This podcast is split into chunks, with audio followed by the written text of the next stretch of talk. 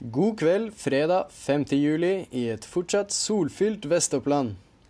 Dette er siste nytt fra oa.no klokken 20.30. Det er en 50-50 sjanse for et skifte i kommunestyret i Vestre Toten. Det mener Høyres ordførerkandidat Elin Solberg. Med et voksende Senterparti som kan vippe mot både den blå og den røde siden, er kampen om kjedet brennhet. Høyre har med seks mandater vært det nest største partiet i Vestre Toten de fire siste årene, og kan til høsten vippe Arbeiderpartiet fra makten etter nesten 100 år kontinuerlig styre. Ingen hadde trodd at Bjarne på 44 år skulle ta over den tradisjonsrike familiebedriften. De aller første Kloppen-søylene ble laget for 100 år siden og står fortsatt.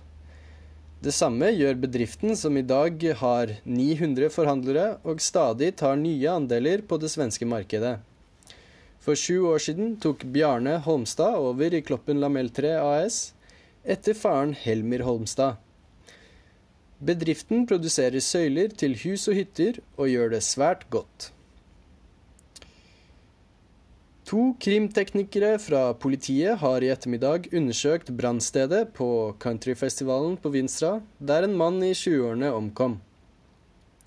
Fredag morgen tok en campingvogn fyr på festivalen, og hvor mange vestopplendinger har tatt turen. Politiet mener det er, for, det er for tidlig å si noe om brannårsaken.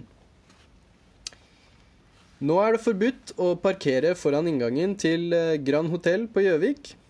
I et brev fra Vegvesenet til Gjøvik kommune skriver de at de har vedtatt en parkeringsregulering ved Grand Hotell som kommunen hadde søkt opp. Nå kan du ikke lenger parkere foran inngangen. Dette var siste nytt fra oa.no. Ha en fortsatt fin kveld og en strålende helg.